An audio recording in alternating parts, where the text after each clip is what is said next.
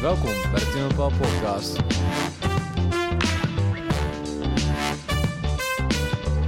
Amsterdam, een stad die constant in ontwikkeling is. Van een klein vissersdorpje naar de rijkste stad in de Gouden Eeuw. We hebben het vaak over de woningnood in de hoofdstad en onze absurde prijzen die we betalen voor de huur. Is dat altijd zo geweest? En waarom zijn er eigenlijk geen marktjes op de Herengracht? Vandaag is Clay Lesger de gast, ras Amsterdammer en als historicus verbonden aan de Universiteit van Amsterdam. We gaan het vandaag hebben over Amsterdam, Paul. Over de ontwikkeling van de stad, eh, over woonpatronen. We gaan eigenlijk terug, ja, we gaan terug zo vroeg mogelijk. Zo ik. mogelijk zijn, een beetje naar het begin van, de- van de stad. Maar we gaan het niet alleen over Amsterdam hebben hoor. We gaan het ook hebben over andere Hollandse steden. Eh, dat doen we aan de hand van het onderzoek van Lesger, onze gast van vandaag. Eh, Alkmaar wordt genoemd. Alkmaar wordt ook genoemd. En wat nog ook wel even leuk is om te zeggen, wel, is dat ehm Clay Lesger ons beide college heeft gegeven op de Universiteit van Amsterdam. Ehm, In de Oude Mannen Spoort. ik zou bijna zeggen we go way back, maar dat doe ik, ik neem Dat het is terug. eenzijdig. Het is een- ja, eenzijdige Waarschijnlijk relatie. kent hij ons niet zo goed als wij hem. Nee, ehm, maar we gaan het dus hebben over Amsterdam, over de ontwikkeling van de stad ehm, en belangrijker nog waar mensen wonen. We gaan het hebben over woonpatronen en vooral ehm, hoe die aan het verschuiven zijn.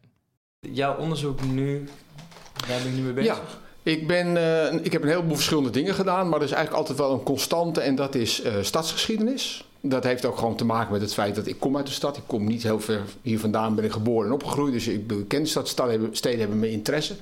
En ik ben nu bezig met een onderzoek, wat overigens heel langzaam maar vordert. Maar goed, eh, ik ben nu bezig met een onderzoek naar woonpatronen in premoderne steden. Oké. En premodern, wat moet ik daarbij eh, voorstellen? En premodern is eigenlijk, in mijn onderzoek is dat de periode zeg maar, tot 1850, 1860. Hè. Dat is de tijd voor de industriële revolutie. Mhm. Het is dan de periode, zeg maar, de vroegmoderne tijd met een uitloop in de 19e eeuw. Ja. In Nederland gebeurt alles wat later, dus die premoderne periode, ja, die, die premoderne periode duurt bij ons tot het midden van de 19e eeuw. Pas in de tweede helft van de 19e eeuw wordt er echt geïndustrialiseerd. Dus dat, eh, dat is ook mijn periode, de periode voor zeg maar, het midden van de 19e En dan vanaf het, het moment dat, de, bijvoorbeeld laten we het hebben over Amsterdam, het moment dat ze stadsrechten krijgen tot die, eh, tot die periode? Of? Ja, dat probeer ik wel. Ik werk terug in de tijd. Dus ik begin eh, rond 1830. Dat is de tijd dat het kadaster wordt aangelegd. En dan heb ik voor het eerst eigenlijk een hele mooie betrouwbare bron om woonpatronen te recon- reconstrueren. En dan werk ik terug en ik probeer zo ver mogelijk terug te komen. En dat is, in de Hollandse steden is dat minder makkelijk dan in Italiaanse of in Vlaamse steden. Daar hebben ze gewoon mooiere archieven. Maar tot de 16e eeuw gaat het eigenlijk vrij goed. En voor de 16e eeuw, voor het midden van de 16e eeuw, dan zijn het ja, losse snippers, af en toe wat. Dat, dan wordt het een beetje problematisch. Voor, de, voor ons dan is dat voor de 16e eeuw Nederland natuurlijk nog niet echt relevant was op het, eh, nee, wereldtoneel. precies, daar gebeurt er nog niet, Niet zo heel veel. dus dat- nee, dat klopt. Korte En- hoofdstukjes worden het dan. Worden korte, ho- ja, de, de hoofdstukjes worden korter naarmate ik verder terug ga in de Ja. tijd, ben ik Ja. bang. Maar ja, dat is bijna niet te vermijden. Er is gewoon heel weinig bronnenmateriaal. Maar welke bronnen zijn er dan wel? Daar, Nou, voor een deel gebruik ik natuurlijk bronnen eh, die archeologen hebben ont, eh, Ja. zeg maar, ontblootgelegd. ja. En dat soort bronnen zijn natuurlijk wel. Het gaat erom van waar woont rijk, waar woont arm. En op basis van archeologische vondsten en op basis van de topografie van steden, hoe steden gestructureerd zijn, kun je eigenlijk best wel een aantal, een aantal uitspraken doen. Maar, het, eh, zeg maar een, een moment waarop je de hele stad in kaart kunt brengen. Het vroegste moment is dan eigenlijk het midden van de 16e eeuw. Ja, dus dan heb je duidelijk de, eh, maar het archeologische fonds en misschien het geschreven geschriften bij elkaar. Het- dat je die- precies. Ja. En de periode voor het midden van de 16e eeuw is het gewoon een beetje modderen met de bronnen die, je- die, je- die je hebt. Zeg maar. En het was ook een hoop modder, toch? Toen. En het was ook een hoop, modder, het was ook een hoop modder in die periode in die Hollandse steden. Ja, dat klopt. Ja. Naarmate je verder teruggaat, zie je ook inderdaad dat het. eh, nou ja, dan zie je dat de bewoning zich bijvoorbeeld concentreert op de hoger gelegen delen in, eh, in het landschap. En dat ligt natuurlijk wel voor de hand, want je hebt hier natuurlijk snel natte voeten. Ja. Dus eh, het ligt voor de hand dat als er al wat, zeg maar, wat, wat verhoogde verschillen in het landschap zijn, dat daar ook die eerste bebouwing ontstaat. Ja. Dus eh, nou, zo probeer ik heel langzaamaan eh, terug te werken naar die vroege periode. En je zegt net dat het ehm, zowel in, in, nou ja, Vlaanderen, Italië goede bronnen zijn. Dus ik neem Ja. aan dat, daar ook, over wordt, dat jij daar ook over schrijft. Maar dat is nogal en qua tijdscope, zeg maar, en qua geografie nogal... ligt wel uit elkaar. Ja. Ja. nee, dat klopt. Maar daar schrijf ik ook niet over. Maar ik probeer wel een beetje te lezen van wat, zijn, wat wordt daar voor onderzoek gedaan? Wat weten ze over die steden? En eh, gewoon als een soort context waarin ik die, die Hollandse steden ga plaatsen. Ja. Dus ik doe zelf geen onderzoek naar Vlaanderen en eh, Italië. Maar het is wel duidelijk op basis van literatuur dat daar ja, mooier bronnenmateriaal is voor die vroege periode. Ja. Bronnenmateriaal dat we hier voor die Hollandse steden eigenlijk helemaal niet hebben. En, eh, oké, dan, gaan, dan gaan we denk ik vandaag dan vooral hebben over de, de Ja. Hollandse of de Nederlandse Ja, ja, ja, eh, ja. steden. Lijkt me, lijkt of me. Amsterdam. Amsterdam. Ehm, Ja, wat, wat zie je dan? Wat is, Ja, eh, wat- kan je zijn- daar iets ja. over zeggen? ja. even kort. Ja. Ehm, nee, ehm, zijn er, zoals je natuurlijk wel vaker merkt met, met nou ja, wat we dan meekrijgen op geschiedenis, met geschiedenis, is dat er zijn, van kantelmomenten zijn of bepaalde oh, dit gebeurt en nu gaat in één keer de stad zich anders gedragen of nu gaan er Ja. andere mensen wonen. Is dat, nou laten we Amsterdam nemen, ehm, vanaf 1830, 1850 duidelijk terug te werken? Ja, laten we zo 1830, 1850 beginnen. En dan, dan zie je eigenlijk, dan heb je het kadaster. Hè? Dus dat is het eerste moment waarop je een relatie kunt leggen tussen een, echt een huis in de stad, een stukje grond in de stad, en de huurwaarde. En dat is iets wat je nodig hebt. Je wil weten van waar woont iemand en wat is de welstand van die persoon. Nou, voor de welstand van die persoon weten we eigenlijk helemaal niets, maar we weten wel de huurwaarde van het huis. Dus daar Dus- zou je kunnen afleiden. Goh, Precies. Ja. Rijke mensen wonen in dure huizen, Ja. toch? Ik Ja. bedoel, is misschien een enkele... Dat is eh, een constante ja, geschiedenis. Ja, precies. Dus misschien een enkeling die eh, veel geld heeft en toch in de goedkoop. Maar in, over het algemeen rijke mensen in rijke huizen, arme mensen in eh, goedkope huizen. Dus, en het is aardig dat je dat soort gegevens, die huurgegevens, dat je die ook hebt voor de 18e, 17e en de 16e eeuw.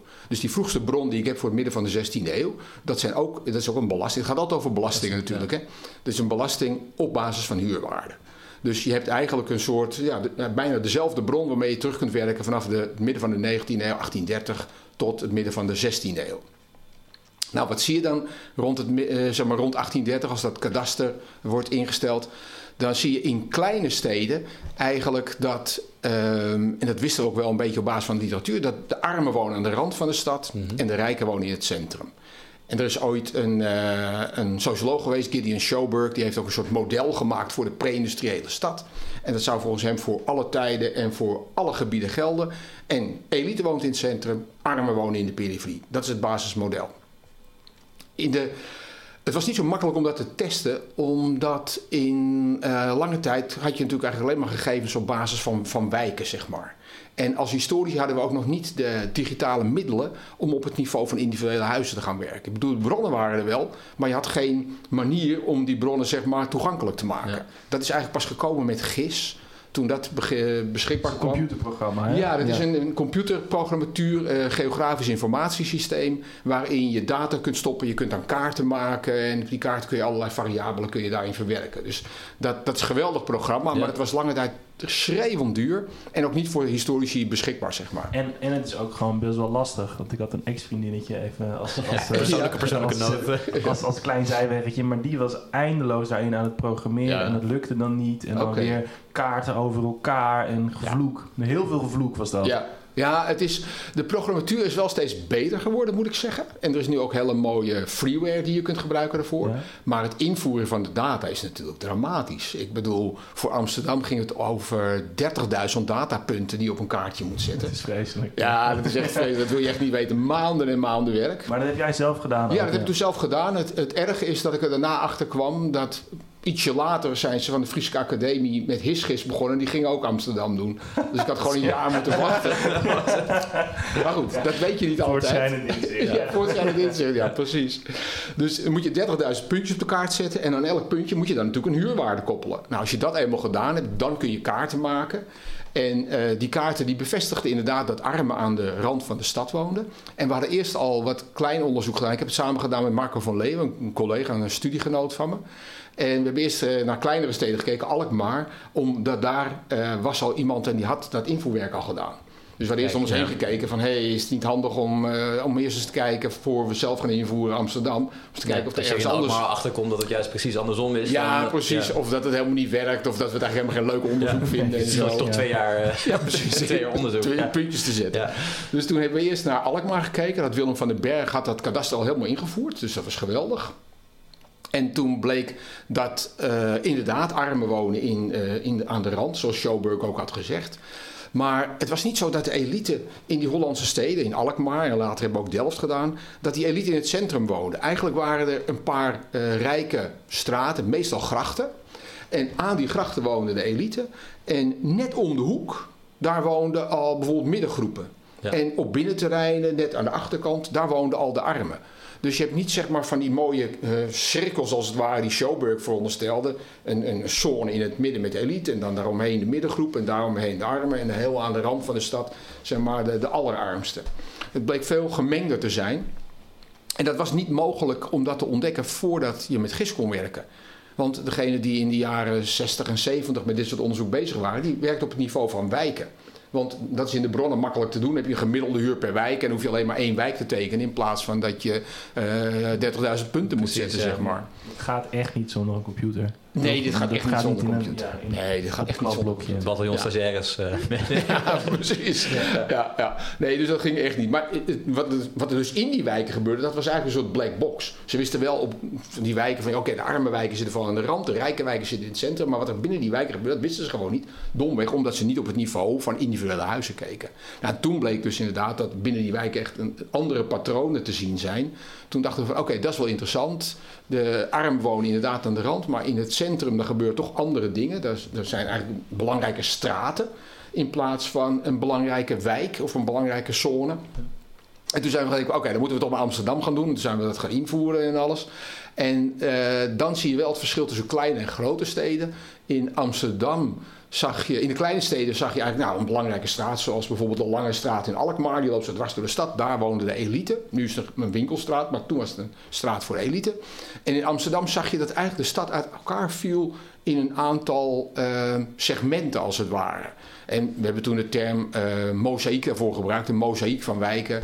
Uh, een beetje gepikt van een titel van een, een beroemd boek van Duncan Timms over, over stedelijke structuren, zeg maar. En dan zie je dus dat er uh, in Amsterdam rijke wijken zijn, grachtengordel. Mm -hmm. En er zijn arme wijken, Jordaan. Maar je ziet ook dat die wijken uh, niet echt zo zijn van in de grachtengordel woont alleen de rijken, in Jordaan wonen alleen de armen. Nee, ze huisvesten als het ware een specifiek deel van de welstandspyramide. Dus in de grachtengordel wonen de allerrijkste en de hogere middengroepen. Ja. En in de Jordaan wonen middengroepen en armen en de allerarmsten. En die in Grachtengordel is natuurlijk wel interessant, want daarvan denk ik van, nou, dat is natuurlijk de plaats waar uh, de elite woont. Nou, dat is ook zo. Maar in de zijstraatjes, en tegenwoordig de negen straatjes, in de zijstraatjes wonen natuurlijk gewoon uh, winkeliers en ambachtslieden in het hogere segment. Ja, maar de elite moet natuurlijk ook ergens een boodschap. Ja, precies. Ja. Dus je ziet eigenlijk binnen die Grachtengordel ook al een soort differentiatie optreden. De, de allerarmsten wonen er niet, maar wel middengroepen. Ja. Dus echt van een volstrekte scheiding was nooit, uh, was nooit sprake. In de grachtengordel kwamen we ook achter, het is wel een uitzondering. En als je de stad een beetje kent, dan weet je dat ook. Uh, in de grachtengordel bevindt zich ook de Kerkstraat bijvoorbeeld. Ja, de, de Kerkstraat is de, de grote straat die vanaf oost naar west gaat. Ja. In principe de grote de halve cirkel. Uh, ja, ja, precies. Tussen de, ja. En die loopt tussen de Prinsengracht en, en de, de Keizersgracht. ja. En dat is een achterstad. Er stonden de koetshuizen van de huizen, van de rijke huizen aan de uh, Keizersgracht. Nou, daar zie je nog wel een aantal armen. Maar dat is echt een, een uitzondering in die grachtengordel, ja. zeg maar. Maar dat is ook meer dan een soort van de achterkant van de, de huizen, ja, de garages eigenlijk, zou je kunnen precies, zeggen. En, ja, wat tegenwoordig een garage zou zijn. En tegenwoordig ook overigens stervensduur volgens mij. En overigens tegenwoordig niet te betalen. Bijna net zo duur. Je komt sowieso in het centrum volgens mij bijna geen, uh, nee, geen armen meer tegen. Nee, je nee, kan wonen. die zijn allemaal uh, ja. weggeduwd. Stam en Oost Eigenlijk, nou, ja, precies. Ja. Naar de rand van de stad weer eigenlijk. Hè? Dat is natuurlijk het, uh, het aparte. Ja, is dat, is dat iets wat dan als maar ja, een bepaalde constante is. Vanaf de, de 16e eeuw tot aan, nou, misschien een beetje buiten de tijdsperiode van, van jouw onderzoek, maar eigenlijk wat nu nog steeds gebeurt. Ja, nou, het lijkt er inderdaad op dat uh, er een aantal voordelen zijn aan het wonen in het centrum. En dat de armen uh, aan de randen van de stad wonen. Niet ongemengd, want ook in Jordaan bijvoorbeeld vond je dus verschillen. Ik bedoel, je hebt in het midden-Jordaan heb je een aantal uh, grachten die zeggen van nou, dat is oké, okay, dat is een goede middenklasse. Rozengracht, Bloemgracht, dat is best oké. En als je in Noord-Jordaan komt, dan zie je daar uh, zeg maar de echte, de echte armoede. Maar steeds op dat eh, gescheiden zeg maar, op het niveau van gevels. Dus aan de iets betere straten daar woonden iets, mensen met iets meer inkomen. In de zijstraten met wat minder inkomen. Op het binnenterrein, daar woonden de echte armen. Dus in die sloppen en stegen, daar woonden de echte armen. Nou, dat principe dit werkt overal. In de grachtengordel, de rijk aan de gracht, middengroep in de zijstraatjes. Dus op het niveau van gevels is er een scheiding. Maar de stad valt uiteen in een aantal wijken. waar Elk een, nou, een segment van de welstandspyramide eh, huisvesten. En is dat iets dat dan door de, uh, de stadsplanoloog op dat moment bewust gedaan is? Of is dat natuurlijk verloop? De grachtengordel is vanaf de tekentafel weer neergezet. Precies. Uh, vandaar ook het UNESCO uh, gebeuren Ja, eromheen. klopt. Maar is dat iets wat ze gewoon, goh, dit lijkt, me- dit lijkt me verstandig om hier te gaan mengen? Want de mensen die, die eh, dit plan moesten goedkeuren, dat zijn de mensen die uiteindelijk zelf op de Herengracht zijn gaan wonen. Ja. En willen die tussen de, nou ja, de middenklasse en de paupers gaan zitten? Ja, nee, dat klopt. Dat is, bij de, Amsterdam is het natuurlijk interessant omdat het zo enorm is uitgebreid in de 17e eeuw. Dus ze hebben echt moeten nadenken van hoe gaan we dit vormgeven.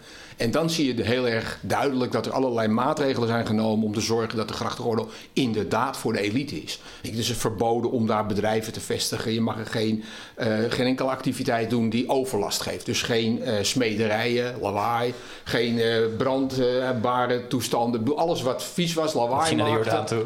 naar de Jordaan. Ja, Ja. precies. Daar kwam alle nijverheid terecht.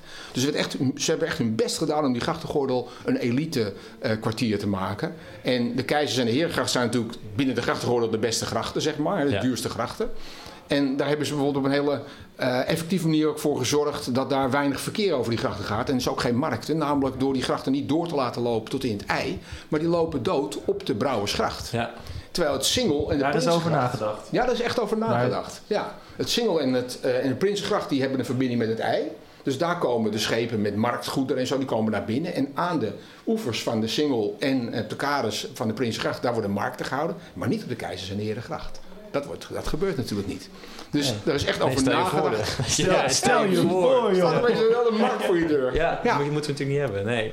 Nee, dus dus moet is daar nog steeds zo zitten te piepen op eh, Koningsdag als er Ja. een vrijmarkten voor de, voor de deur Of liggen. als er een bootje langskomt. Ja. Ja, precies. En je noemde net eh, dat Amsterdam enorm gaat, eh, gaat groeien, enorm gaat, gaat uitbreiden. Ik ben zelf eh, opgegroeid in het prachtige Almere. Dat is Oh ja. ook, ook een stad die behoorlijk eh, bezoek of een bevolkingsexplosie heeft, heeft meegemaakt. Zeker. Ehm, maar in Amsterdam in het begin 17e eeuw is dat nou ja, ook gigantisch groot. Want Amsterdam gaat van een klein vissersdorpje Ja. naar de stad die we nu kennen zo'n beetje. Hoe- Ja. Nou ja, Amsterdam is natuurlijk zo. In de 16e eeuw is Amsterdam al eh, in de noordelijke Nederlanden, zoals we nu Nederland noemen, zeg maar, is het al eh, de grootste stad in Holland. Ja. Eh, maar dan praat je over 30, 40.000 mensen in de 16e eeuw. En dat gaat heel snel naar 200.000 in het midden van de tweede helft van de 17e eeuw. En naar 230, 240.000 in het begin van de 18e eeuw. Dus Amsterdam is dan echt een van de grootste steden in Europa. Ja. Na steden als eh, Napels is natuurlijk eh, befaamd groot. Parijs en Londen zijn natuurlijk ook heel groot. Maar dan zit Amsterdam zit er eigenlijk heel dicht, eh, dicht onder. Bijna een kwart miljoen inwoners. Ja. Dat is veel voor vroegmoderne steden. Ja, dat is, en daarom dus ook die gigantische uitbouw die ze, die ze erbij Precies, daarom die enorme stadsuitbreiding. Die dan in de tweede stadsuitbreiding, met wat de vierde uitleg wordt genoemd, die dan weer iets te ruim bemeten is. Hè. Ze hadden natuurlijk het idee van die stad die blijft maar doorgroeien, die blijft maar doorgroeien. Dus hebben eerst bij de derde aanleg een deel van de grachtengordel aangelegd. En de Ja. En Jordaan. dat loopt, als ik het goed heb, dat loopt wat nu Leidse Gracht, Leidse Plein precies. is. Ja, Leidsgracht is zo'n beetje de grens van de derde en naar de vierde uitleg. Ja. En die vierde uitleg die wordt dan eh, net na het midden van de eeuw wordt, die, eh, wordt daarmee begonnen, in het midden van de 17e eeuw. En die blijkt niet meer vol te komen. Dat is Nee, duidelijk. Hè? Dat Dus is het dat- leeg. Ja, Ja. dus de grachtengordel zelf wel. Maar nou, zoals je weet, de plantage, dat eh, was natuurlijk ooit, ooit bedoeld om ook gewoon vol te bouwen. Maar daar maken ze Gracht te worden, van. toch? Ja. Hè? Om ook gracht te worden. Ja, het was gewoon het idee dat helemaal door te trekken de, de halve maan. En dan gewoon alles eh, vol te bouwen. Maar er was gewoon helemaal geen vraag meer naar woonruimte. Die economie van Amsterdam die begint zo na het midden van de 17e eeuw. Begint dat een beetje te stagneren, zeg maar. En dan, eh, nou, dan gaan ze proberen daar het beste van te maken. Dus dan maken ze van de plantage worden tuinen. En ze zetten een aantal grote instellingen neer. Weet je, Aan de overkant van de Amstel, wat nu de Hermitage is. Ja. Dat is natuurlijk dat enorme gebouw van het oude man- en vrouwhuis. Ja. Ja, dat ligt En je moet wat met de ruimte. Het is, het Ja, ja. het is goedkope grond. Ze konden het daar Is niet dat meer ook kwijt. dan een beetje de enige keer in Amsterdam dat er ruimte was op de woningmarkt? Of is het... eh, Nou, nou, nou het zo zegt. Ja, die vroegmoderne tijd is, is een periode waarin het, eh, waarin het ruimte op de woningmarkt was. Maar dan moet je wel meteen bij aantekenen dat ehm, Er was ruimte op de woningmarkt voor luxueuze bebouwing. Maar omdat er niet verder uitgebreid werd, moest de bevolking die er was, die bleef toch, de, de mensen met weinig inkomen, die waren toch aangewezen op de Jordaan. Dus de Ja. dichtheden namen daar enorm toe. Dus het, het zwaartepunt van de bevolking in de stad lag helemaal in het, nou, lag dan in het westen, in de Jordaan. Absoluut. En, en voor Ja. de rest, als je naar, naar eh, wat nu de prachtige plantagebuurt is ging, Ja. dan kwam je niemand dan tegen. kwam je, nee precies, Nee. wat, wat eh, Maar dat was echt gewoon uitgestorven. Daar, daar was niemand. Of... Nou, er, jawel, er waren wel mensen, maar je mocht er bijvoorbeeld niet wonen. Het was de bedoeling dat er waren tuinen en tuinhuisjes. En eh, later in de 19e eeuw komt er allerlei eh, zeg maar, amusement. Komt, vindt daar een plek voor dat het echt dichtgebouwd gaat, volgebouwd gaat worden. Maar het was niet bedoeld als woongebied. Nee, dus het woongebied dat was eigenlijk aan deze kant van de, van de Amstel voornamelijk. En de Jordaan bleef natuurlijk, eh, en de oostelijke en de westelijke eilanden, dat bleef natuurlijk het zwaartepunt van de, eh, in, in aantallen mensen, zeg maar. Ja. Daar woonde de bulk van de bevolking. Ja, en in, in, dan- in de, in de plantagebuurt nu eh, de dierentuin, Artis. Ja. Dat, is, dat heeft daarmee te maken, er was ruimte. Daar was ruimte. Het is typisch 19e eeuws fenomeen. En er was in de plantage ook een... eh, een eh, in Den Haag heb je er ook een, zo'n... Zo'n heel groot doek, weet je wel, Ja, panorama. geschilderd wordt. Een panorama. Waar stond ook een panorama. En er stonden cafés. En eh, op een gegeven moment in de 19e eeuw begint dat een beetje een uitgaansgebied te worden. Ja, En daar paste, ja, daar paste natuurlijk ook Artes in met, eh, met veel grond nodig. ja. En, en die grond was daar nog binnen de stadswallen te vinden. Dus daar kan je dan nog mooie dingen voor. eh, en dat was, nou, volgens mij moest je bij Artis moest je nog lid zijn om binnen te kunnen begin komen. Verenigingen en dat Ja, soort. Dus het was zeker. wel leuk en aardig dat ze het allemaal neer gingen zetten. Maar het was ook niet per se 19e eeuw toch, dat hele Ja, verenigingsleven. Ja, Dat- dat- zeker. Ja, ja, ja. van eh, de clubjes. eh Ja. Ja, geen de rijke blanke mannen en- mogen, mogen naar de dierentuin en ja, de rest ja, ja, en lekker rest thuis. die ja. gaan maar ergens anders wandelen. Ja, Ja. een goede oude tijd. Klopt.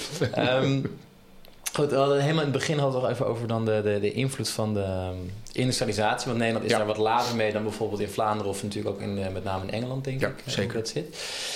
Ehm, wat voor een effect heeft het op een stad zoals, zoals Amsterdam? Die, eh, zie je dan dat, dat de mensen dan op andere plekken gaan wonen? Of blijft het gewoon nog steeds wel zo haast zich gesegregeerd? Nou, wat je natuurlijk vooral ziet is dat, dat de bestaande situatie in eerste instantie gewoon gecontinueerd wordt.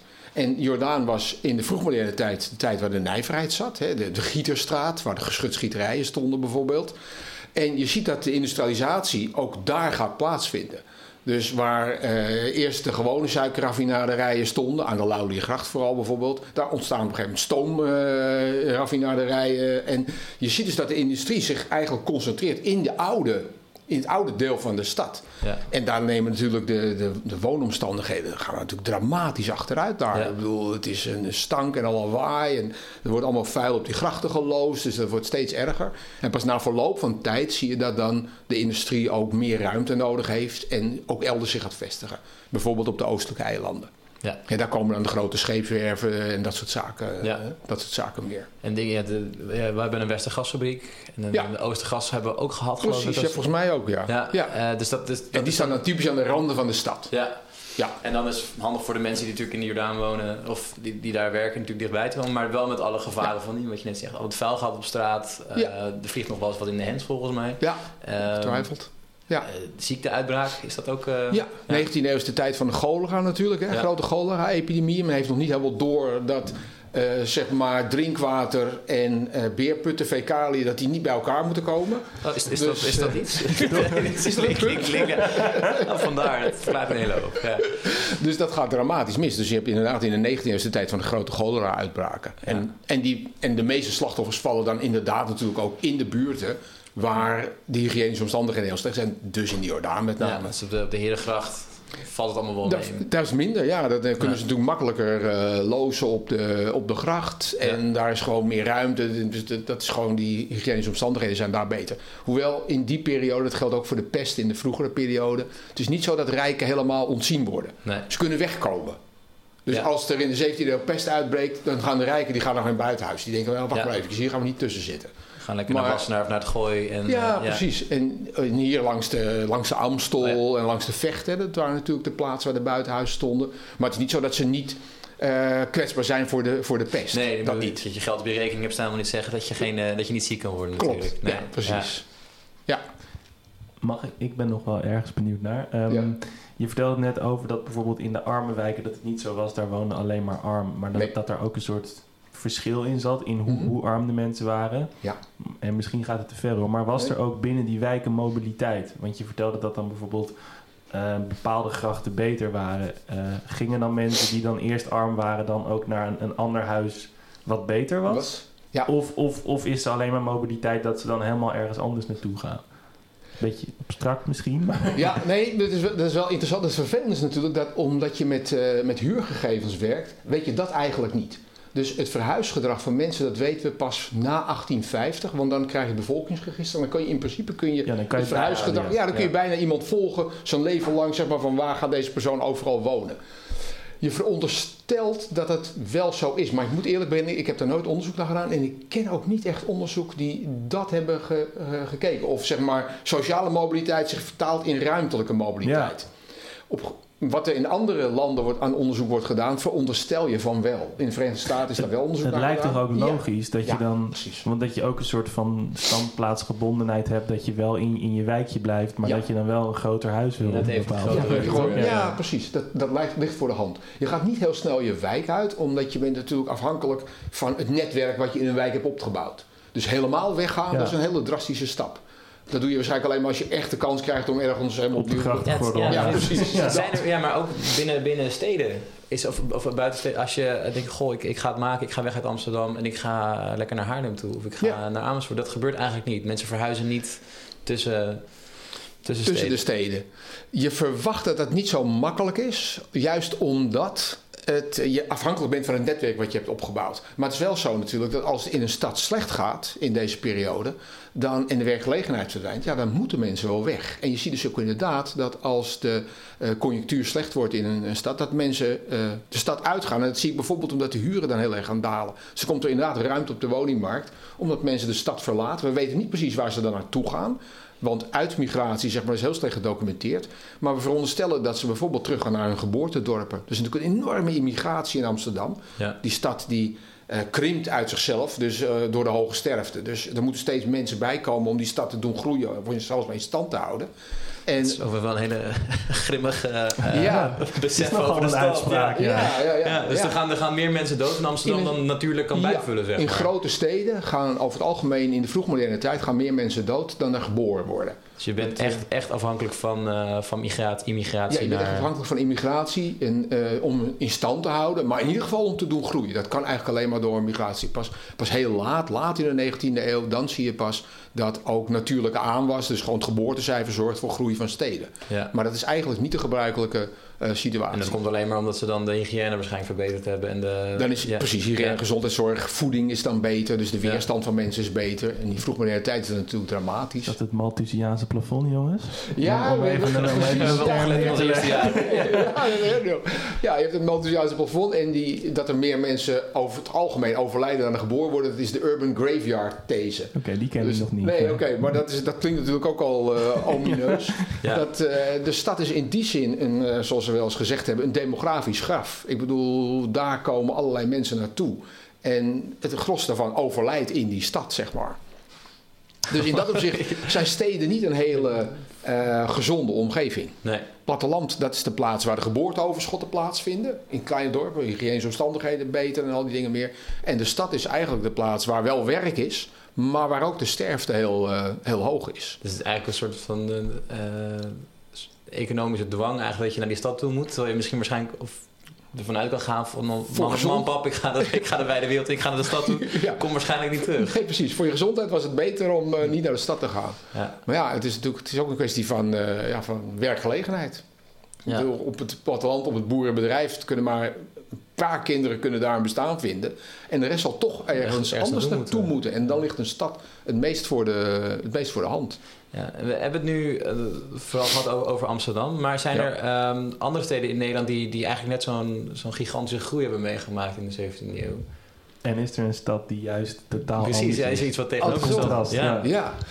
Nou, die eh, groei van Amsterdam, die is voor, eh, voor de, Nederland is die wel uniek. Ik bedoel, Ja. er is geen stad die zo veel gegroeid is. Een andere stad die natuurlijk heel sterk gegroeid is, is Leiden in diezelfde Ja. periode. Het is natuurlijk de grote industriestad, een grote nijverheidsstad. En ook Leiden maakte een enorme groei door in die, in die 17e eeuw. Maar niet, naar het niet tot het niveau van Amsterdam, Amsterdam, zeg maar. Nee, dat is, wat dat betreft is dat verschil. Leiden is dan de tweede stad. En eigenlijk gaat het met een heleboel steden mis vanaf de tweede helft van de 17e eeuw. En dan krijg je ook bijvoorbeeld dramatisch verval in, eh, in steden als eh Hoorn, Enkhuizen, Alkmaar. Weet je, die verliezen echt 30, 40, 50 procent En dat van hun bevolking. alles te maken met de, de, de algemene economische crisis. Ja, wat En- gebeurt er dan? Ja. Eh, is, is er dan een moment aan te wijzen waarop het misgaat? Heeft het iets met, met het stoppen van de 80-jarige oorlog te maken? Nee, dat, nee dat, nou, dat, dat niet per se. Maar het is natuurlijk het is ook niet echt een moment. Maar zo rond het midden van de 17e eeuw zie je wel dat het economisch gewoon problematisch wordt. En dat heeft eh, te maken met een, een heleboel factoren. Eh, een factor die altijd genoemd werd door eh, de, zeg maar, de mensen die in grote structuren dachten, was dat de bevolking in Europa die stijgt ongeveer tot midden van de 17e eeuw. En daarna krijg je een aftopping van die bevolking tot het midden van de 18e eeuw. En dan pas gaat die bevolking weer groeien. Dus dat betekent er is minder vraag naar allerlei producten. Dat is dus één factor die op een heel algemeen niveau eh, speelt.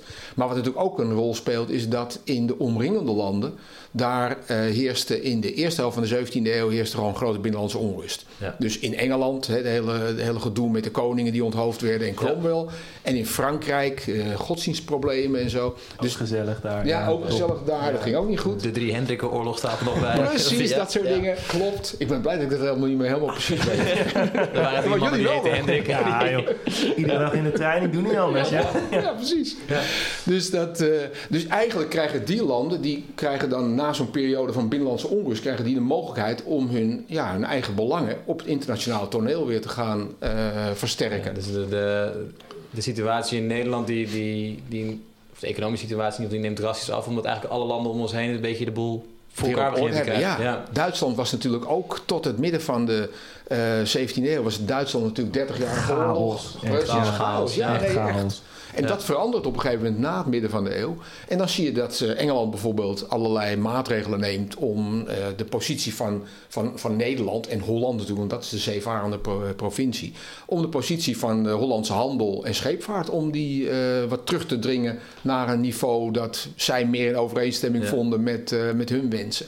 Eigenlijk is die bloei van Holland is voor een deel natuurlijk een hele toevallige omstandigheid. Ik bedoel, ze, ze bloeien net in de periode dat de omliggende landen allemaal binnenlandse onrust kennen. Dus ze verwerven een enorm deel van de internationale handel en van de internationale scheepvaart.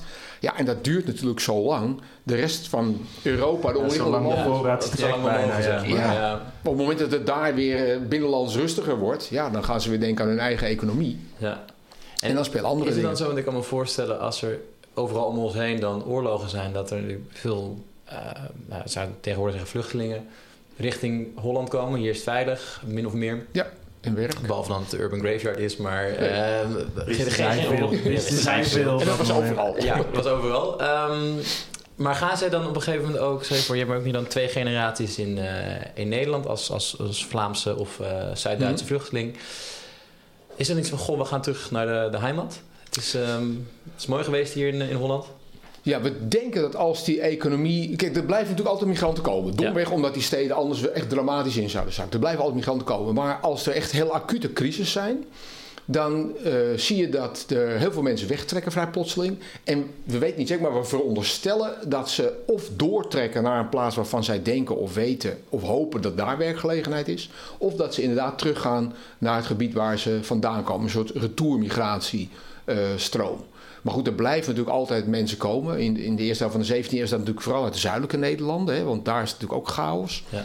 En, en Ja, verarming. Antwerpen is Antwerpen- voor Amsterdam eigenlijk de, de grootste, Ja, belangrijkste. En dat is daarna, Klopt. wat gebeurt daarmee? Nou, En Antwerpen, dat, dat zie, Antwerpen ziet een dramatische bevolkingsachteruitgang. En daar werkt eh, Holland en Zeeland aan mee. Door bijvoorbeeld de Schelde af te sluiten. En, ja. ja, dat was wel. Het ging, eh, wat dat was er weinig, eh, weinig sympathie voor eh, de zuidelijke eh, kant. En de textielnijverheid die stort daarin. En een hele hoop eh, textielarbeiders uit de zuidelijke Nederland... die vestigen zich dus inderdaad in Leiden. ja. En daar bouwen ze de textielindustrie eh, op. Dus die, die migratiestromen zijn heel belangrijk voor de verspreiding van technische kennis, van arbeid, know-how. Dat is natuurlijk allemaal, ja, de know-how zit in de hoofden en de handen van de mensen. Ja. Ik bedoel, dat is de manier waarop nijverheid zich verspreidt of innovaties plaatsvinden. Daar heb je mensen voor nodig die iets kunnen wat anderen nog niet kunnen. Nou, dat zijn inderdaad vaak migranten. Ja.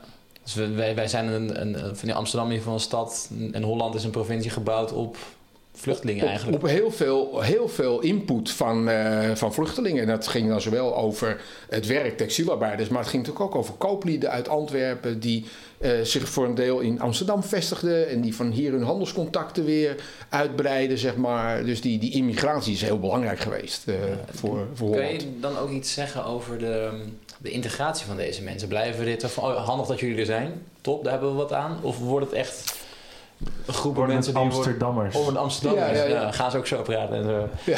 Het Amsterdamse DNA. Ja. Het Amsterdam, ja. Het ligt een beetje aan aan wie je het vraagt. Dus de stadsbesturen, die zijn over het algemeen staan die vrij positief tegenover migranten. Want die hebben het idee, weet je, migranten komen, Ja, dat is nogal dus toch gewoon, dat is logisch. Toch? Geld, Ja, eh, geld, handel. bloei. Ja. We willen graag dat onze stad groeit, liefst ten koste van andere steden. Dus Ja. migranten, welkom, vooral als je wat kunt. Ja. Als je het op het niveau van de, eh, zeg maar van de mensen die, die, die werken, is het vaak een ander verhaal. En weten we dat bijvoorbeeld die Zuid-Nederlandse migranten, Vlaamse migranten, dat die nou, soms echt decennia na hun komst nog worden nagewezen als van, oh ja, daar heb je zo'n zo'n Vlaming. En, eh, dus wat dat betreft blijft dat verschil er wel heel erg. En dat geldt ook voor Duitse migranten. Weet je, die worden altijd als poepen of, eh, of knoeten worden die, aangeduid. Dat soort dingen meer. Dus dat is er wel. Maar bij mijn weten nooit echt grote, eh, grote problemen echt, zeg maar. Nee. Ik bedoel... Het is gewoon meer van, goh, jullie, zien er of jullie zijn anders, jullie praten Ja, jullie gek. praten anders en Ja. je praat raar. Maar vooruit, eh, nou ja, Ja. het is nou ik kan zo. wel hier mijn, eh, mijn spullen kopen. dus Ja, ja. ja. zo'n Ja. beetje. Ja. ja. Waar ik nog wel benieuwd naar was, was de vraag van even, eventjes geleden. We hebben het gehad over, Ja. over de spectaculaire groei van Amsterdam. Ja. Maar is er nou ook een stad die het totaal andere beeld laat zien? Die echt gewoon totaal verkommert in die periode? Of is er een soort van steady groei? Dat, dat kan ook, hè? Dat, Ja, dat- dat kan ook. Nou, echt totaal verkommeren niet. Maar je ziet vooral na het midden van de 17e eeuw... zie je wel dat steden als Enkhuizen en zo... die echt een dramatische bevolkingsachteruitgang eh, doormaken... ja, dat worden een soort, eh, wat ze in de 19e eeuw noemen... De dode, zee, de dode steden aan de Zuiderzee. Weet je, dat wordt echt een... Ja, er gebeurt gewoon helemaal niks meer. Dat... dat, dat ja, het staat leeg, het, het, het, het raakt in verval en eh, ja, er woont maar een fractie van de mensen die er ooit woonden. Zeg maar, de hele dynamiek is daar weg. Weg. En dat lot, dat heeft Amsterdam niet. Het, het gaat wel minder, het groeit niet door. Er is ook wel wat achteruitgang, maar niet in die extreme mate. En een stad als eh, Rotterdam groeit. En eh, een stad als Den Haag groeit. Bestuurlijk centrum. Ja. En dat zijn de steden die in de 18e eeuw nog wel echt groei doormaken. Terwijl Amsterdam dan min of meer Ja, waar, waar heeft dat dan mee te maken? Want In Den Haag is dat gewoon het, zeg maar, de uitbouw van het, eh, zeg maar, van het staat, van de staat. Dus de staat wordt belangrijker. ambtenarenapparaat adel, ambtenarenapparaat, adel. Dus dat is, en bij Rotterdam, dat zit heel erg natuurlijk in de handel met eh, Engeland. Eigenlijk een klein beetje wat nu nog, nog steeds zo is. Hè. Dus eh, Rotterdam ligt natuurlijk gunstig, heel gunstig ten opzichte van Engeland.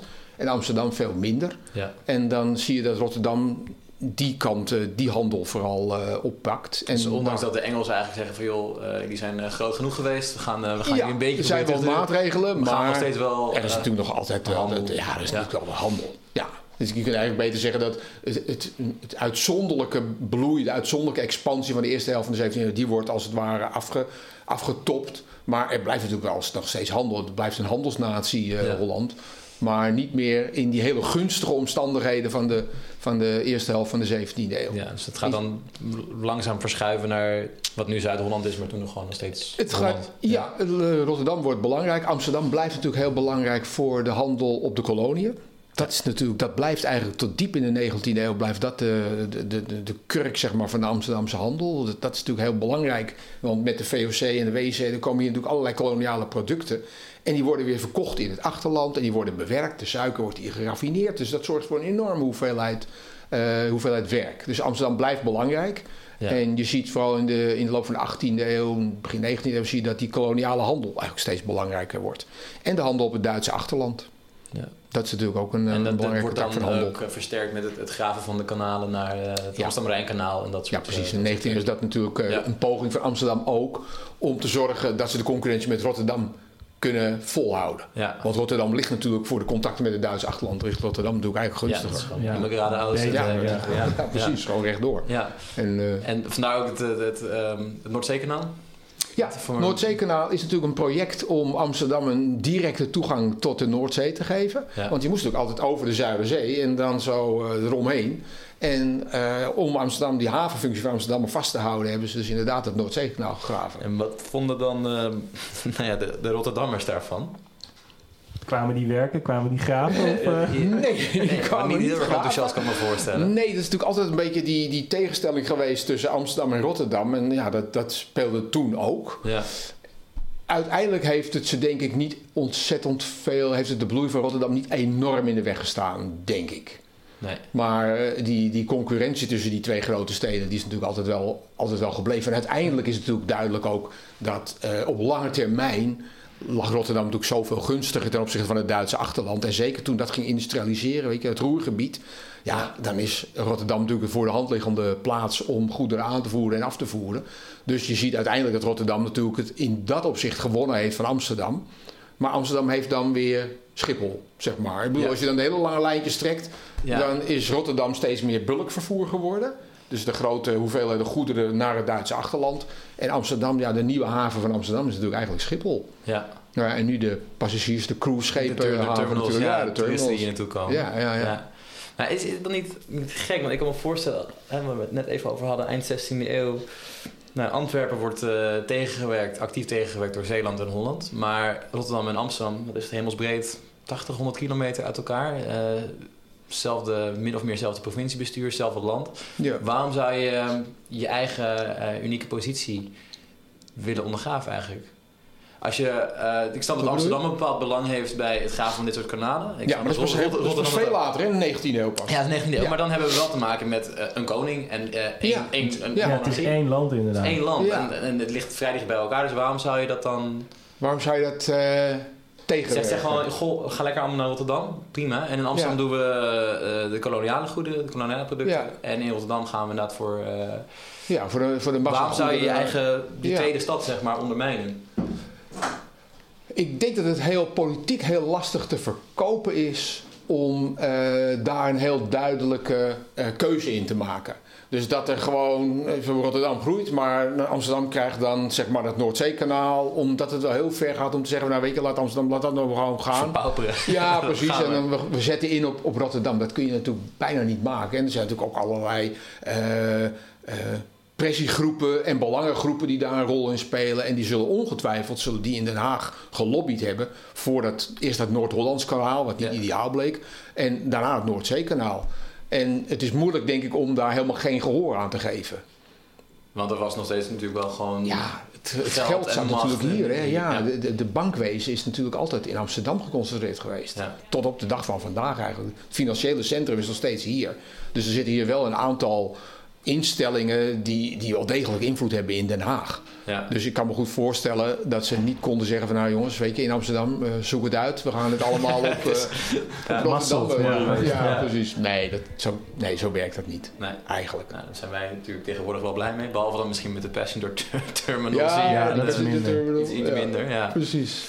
Ja, want nu, eh, misschien gaat dat iets, iets, iets te ver de moderne tijd in. Want eh, is het vergelijkbaar met, met natuurlijk waar we het net even over hadden, de, de, de, de grondprijzen in Amsterdam zijn, zijn gillend gek. Ja, Eh.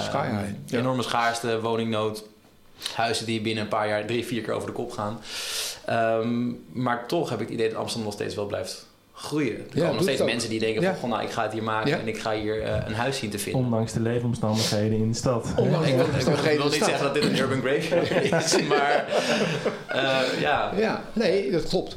Nou, er zijn natuurlijk een aantal eh, continuïteiten die, eh, die ook nu nog een rol spelen. En dan moet je eigenlijk toch een onderscheid maken tussen eh, de noordvleugel van de Randstad met Amsterdam, zeg maar. En de zuidvleugel met, met, met Rotterdam. En dan zie je dat in Rotterdam is natuurlijk toch wel heel lang vastgehouden aan die haven en dat uh, bulkgoederenvervoer, weet je, olie, uh, containervervoer en dat soort zaken meer. En dat is geweldig belangrijk, maar het levert niet ontzettend veel werkgelegenheid op natuurlijk. Hè. Het is bijna volledig geautomatiseerd. Ja. Dus je ziet dat het in dat opzicht zitten zij in een, in een hoek waarin je niet heel veel toegevoegde waarde hebt aan de, uh, aan de handels, aan de goederenstromen.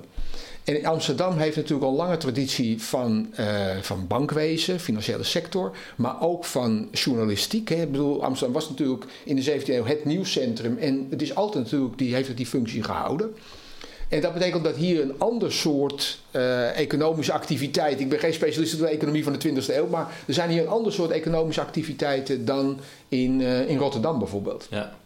En dat zijn toevallig de activiteiten die op dit moment heel belangrijk zijn. Dus uh, commerciële diensten, uh, cultuur, uh, dat soort zaken. Ja, de dingen die niet per se heel makkelijk geautomatiseerd Precies. worden.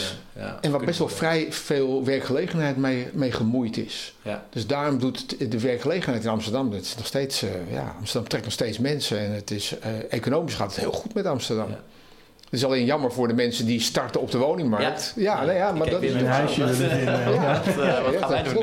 Dat is de prijs die betaald wordt. Want waar, uh, ja, misschien dat is natuurlijk gevaarlijk om aan een historicus te vragen. Ik wilde hem ook al vragen, maar ja. waar moeten we heen? Maar, is, wat is waar gaat het heen met, met Amsterdam? Ik heb geen idee. Ik heb werkelijk geen idee. Je ziet wel steeds meer dat zeg maar, de stad uh, uitbreidt en dat wijken waarvan vroeger gezegd van oh, dat is echt wel problematisch. Hè? Dus een jaar of 15 geleden, 20 geleden, ja, westelijke tuinsteden en de Bijlmer. Ja. Oh, dit gaat echt niet goed. Nou, dat valt wel mee. Ik bedoel, Bosselommer, dat gaat best wel goed. Succes als je daar wil starten. Ja, ja, en de westelijke tuinsteden gaat ook eigenlijk heel goed. Er wordt gewoon meer gebouwd en uh, het idee van oh, dat is, als je daar terecht komt, dan gaat het helemaal mis. Nou, dat is echt wel voorbij.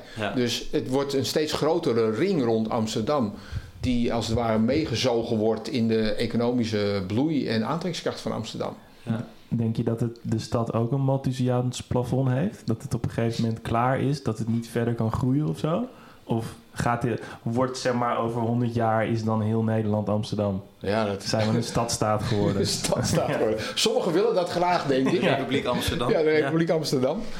Ja, koffiedik kijken, ik weet niet hoor, maar ja. Nou, wat je nu wel ziet, en dat is natuurlijk wel jammer, dat als je kijkt wat er nu gebeurt, dan zie je dat er heel veel wordt ingebouwd, zeg maar. dus de, de lege plekken in Amsterdam, die worden als het ware helemaal volgebouwd.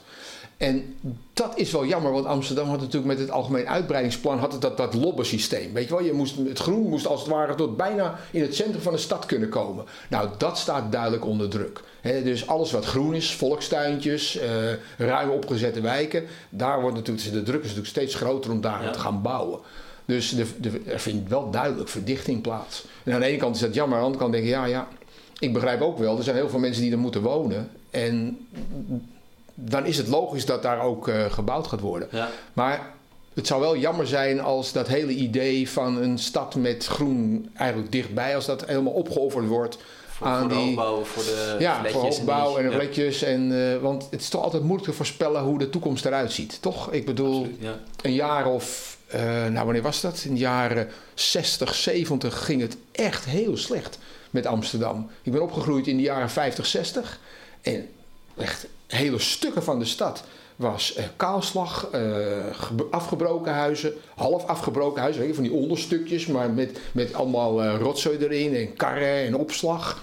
En het ging echt heel slecht met de stad. En iedereen had iets van, hey, weet je, die binnenstad. Moet je niet willen. Dat moet je niet willen. Je gaat gewoon lekker naar uh, Nieuw-West of je gaat naar de, Bijlmer. Uh, naar de Bijlmer of Almere. Dat is waar je wil zitten. En die binnenstad, dat is echt dat is een hopeloze strijd. Dat moeten we opgeven. En het moet ook gesaneerd worden. Er waren natuurlijk allemaal plannen. De hele Jordaan moest plat gegooid worden. Uh, de pijp die kon ook wel weg. Dat was allemaal... snelwegen toch ook tot het centrum? Snelwegen, ja, het liefst snelwegen tot in het centrum. Ja, ik, ik, woon naast de Wieboudstraat, dus ik, ja, ja, precies waar het over gaat. Dat is een overblijfsel van die periode natuurlijk. Dat, het idee van dat centrum, dat moet gewoon goed toegankelijk zijn. Je moet met een auto hup, zo dat centrum inkomen. op, uh, op de Dam. Parkeerplaatsen ja. overal in de, in de stad, parkeergarages. En nou, hoe fout is dat gebleken? Ik bedoel, we zijn heel blij dat het uiteindelijk niet doorgezet is. Want dan hadden ze inderdaad die hele binnenstad zo'n beetje plat gegooid. Op enkele monumenten na. Het had wel wat toeristen gescheeld nu, denk ik. Het had heel veel toeristen ja. Ja. ja. En er valt niks meer te zien dan. nee. nee. Maar dat is misschien wel iets wat je denkt van ja, je moet wel heel voorzichtig zijn met al te drastische ingrepen in zo'n stedelijk landschap. Omdat je niet weet hoe het er over een tijdje uitziet. En even daar op, op, op verder te haken. Er- Ik heb wel eens ehm, gehoord dat er... Nou we hebben natuurlijk een Randstad nu. Met, een, Mhm. eh, met, een, eh, met de groene long erin, of het groene hart erin. Ja. Maar dat we eigenlijk de, de steden binnen de Randstad eigenlijk niet meer als individueel moeten gaan bekijken. Maar vooral als soort één groot... Ja. Nou, de Randstad als stad, zeg maar, op zichzelf. En ehm, dan hebben we natuurlijk wel eh, Ja. groen in het centrum. Dat is Ja. wel fijn. Een soort Central En, Park. ehm, ja, precies. Een soort van Ja. hoe je het hebt in New York of in de, in grote Aziatische steden. Dat je dat zo kan, eh, kan zien. Maar is dat, dat is natuurlijk voor mij in ieder geval een redelijk, redelijk modern idee. Want in Nederland denk ik zeker zijn we heel erg gecentreerd op... ik kom uit Amsterdam, ik blijf Ja. hier lekker wonen. Misschien zeker specifiek in Amsterdam. Maar ook, ik ben een Rotterdammer, ik ben Ja. trots, ik blijf daar lekker zitten. Ehm, was dat vroeger dan ook zo? Dat je, dat je zegt van, goh, ehm, die, die individu... Zeg maar, ik snap dat je niet eh, uit je wijk wil weggaan. Mhm. Maar gewoon wel duidelijk van ik ben een Amsterdammer of ik ben Jordanees of ik, eh, ik ben een Rotterdammer. Dat, zeg maar, dus dat is trots. Is dat iets waar eh, Ja, mensen mee bezig zijn? Die heeft in, in, in Holland heeft die hele oude wortels, zeg maar. Dus die steden, die Hollandse steden, die concurreren ook allemaal met elkaar om migranten bijvoorbeeld. Van, eh, door, goede vestigingsvoorwaarden. Bijvoorbeeld, je hoeft een paar jaar lang geen belasting te betalen. En dat soort zaken. Probeerden ze dus migranten weg te krijgen, bijvoorbeeld uit Leiden. En om ze in Haarlem, de textielindustrie in Haarlem te laten eh, stimuleren. Dus die steden die zijn altijd in, in, in Holland met elkaar in, in concurrentie. Wordt ook wel gezegd dat dat een van de redenen is dat die Hollandse economie zo bloeit. Omdat die steden voortdurend op zoek zijn naar een niche waarin ze zich kunnen specialiseren. En die specialisatie is natuurlijk ook heel sterk. Leiden is de textielstad. Haarlem is een textielstad, maar gespecialiseerd vooral op, linnen en op eh, zijde. Eh, Enkhuizen is de vissershoofdstad, zeg maar. En Amsterdam is dan de handelshoofdstad. Rotterdam is dan voor het verkeer met, eh, met Engeland. Dus er is een soort specialisatie tussen die Hollandse steden, die vaak goed uitpakt, natuurlijk. En daar hoort ook bij een soort gevoel van mijn stad is beter dan, eh, dan jouw stad, zeg maar. Dan Ja. de jouwe. Ja. Ja, Ja, ja, ja dat, dat, dat speelt natuurlijk wel een rol. ja. Dus, dus het, eh, het, plan van, zeg maar, überhaupt het idee van een randstad Van- is in de 17e eeuw, 16e eeuw totaal ondenkbaar. Ja, dat is, een, ja, dat is dan totaal ondenkbaar. Ja. Ja, nee, absoluut. Dat, dat is niet. Het zijn allemaal steden die min of meer zelfstandig zijn, die ook een eigen stedelijke regering hebben. En die eh, stedelijke regenten, dat zijn eigenlijk de mensen die het ook in Holland voor het zeggen hebben. Ja. Die zitten in de hogere bestuursorganen en die bepleiten ook vooral de belangen van hun eigen, van hun eigen stad. En je ziet dus dat in Amsterdam, dus tussen Amsterdam en andere steden is er altijd een probleem, want Amsterdam die wil vooral handel. En andere steden die willen misschien ook wel protectie. Bijvoorbeeld de nijverheidssteden als Leiden, die willen wel een zekere bescherming tegen goedkope producten van elders. Ja. Nou, daar is Amsterdam mordicus tegen, want dat gaat tegen de handel. Dus je ziet dat soort spanningen, die zijn er voortdurend tussen die, eh, tussen die Hollandse steden. Ja. Dat, dat zie je toch ook in de politiek bijvoorbeeld over scheepsbouw. Dat eh, bijvoorbeeld Holland zegt, ja, we moeten gewoon heel veel ehm, boten bouwen. Terwijl misschien an- andere plekken zeggen, nou, we moeten ook een beetje aan het leger denken. Toch? Dat zie je daar toch ook heel erg in terug. Dat Ja. het altijd gaat om die verschillende belangen in eigenlijk heel, heel de republiek, toch? Ja, klopt. Ja, dat is een, dat is duidelijk iets. De, de stadhouders die zijn natuurlijk altijd een beetje voor het, landleger, zeg maar. En die willen geld voor een landleger. En je ziet dat eh, een aantal van de, de handelssteden, met name Amsterdam, die hebben iets van, ja, weet je, dat achterland, ach, Het zal Mwah. we willen een vloot. bootjes. Want, Ja. ja. we moeten een vloot hebben. Dat is voor ons van belangrijk. Nou, die spanning die zie je ook natuurlijk tussen Amsterdam als handelsstad en de stadhouder en een aantal landsteden die veel meer gericht zijn op van ja, wat gebeurt er in het achterland. Ja. En ja, ik denk dat een, een, sommige Amsterdamse bestuurders die hadden iets van het achterland. Ach, ik bedoel, Kom zolang toch nooit, ja. ja, wat, wat, Ja. bedoel, wat maakt dat uit? Weet de je? We hebben de, Ja, ja, ja, ja, Daar begint het, ja. ja, klopt. Ja. mentaliteit die we soms ook nog wel hebben. Ja, denk ik. zo, Amsterdam, Amsterdammers hebben niet altijd een hele goede reputatie wat dat Nee, betreft. Nee, dat klopt. Nou, dat is wel leuk om mee af te sluiten als, Oké. eh, als drie Amsterdammers. Amsterdam Ja. reputatie. Ja. Ja, ja. Prima. Ja, zolang Ajax maar kampioen wordt. Ja, Ja, precies. Zolang dat maar goed gaat. Ja, Ja. right. Dankjewel nou, voor je tijd Nee, en voor je kennis. En, Nou, dankjewel. ik vond het hartstikke leuk. Oké, ja, ik vond het heel erg leuk om te doen. Ja, ja, ja. Vond je dit nou een interessant verhaal? Check dan onze leeslijst in de beschrijving. Abonneer je op ons podcastkanaal en check onze Facebookpagina. Groetjes thuis.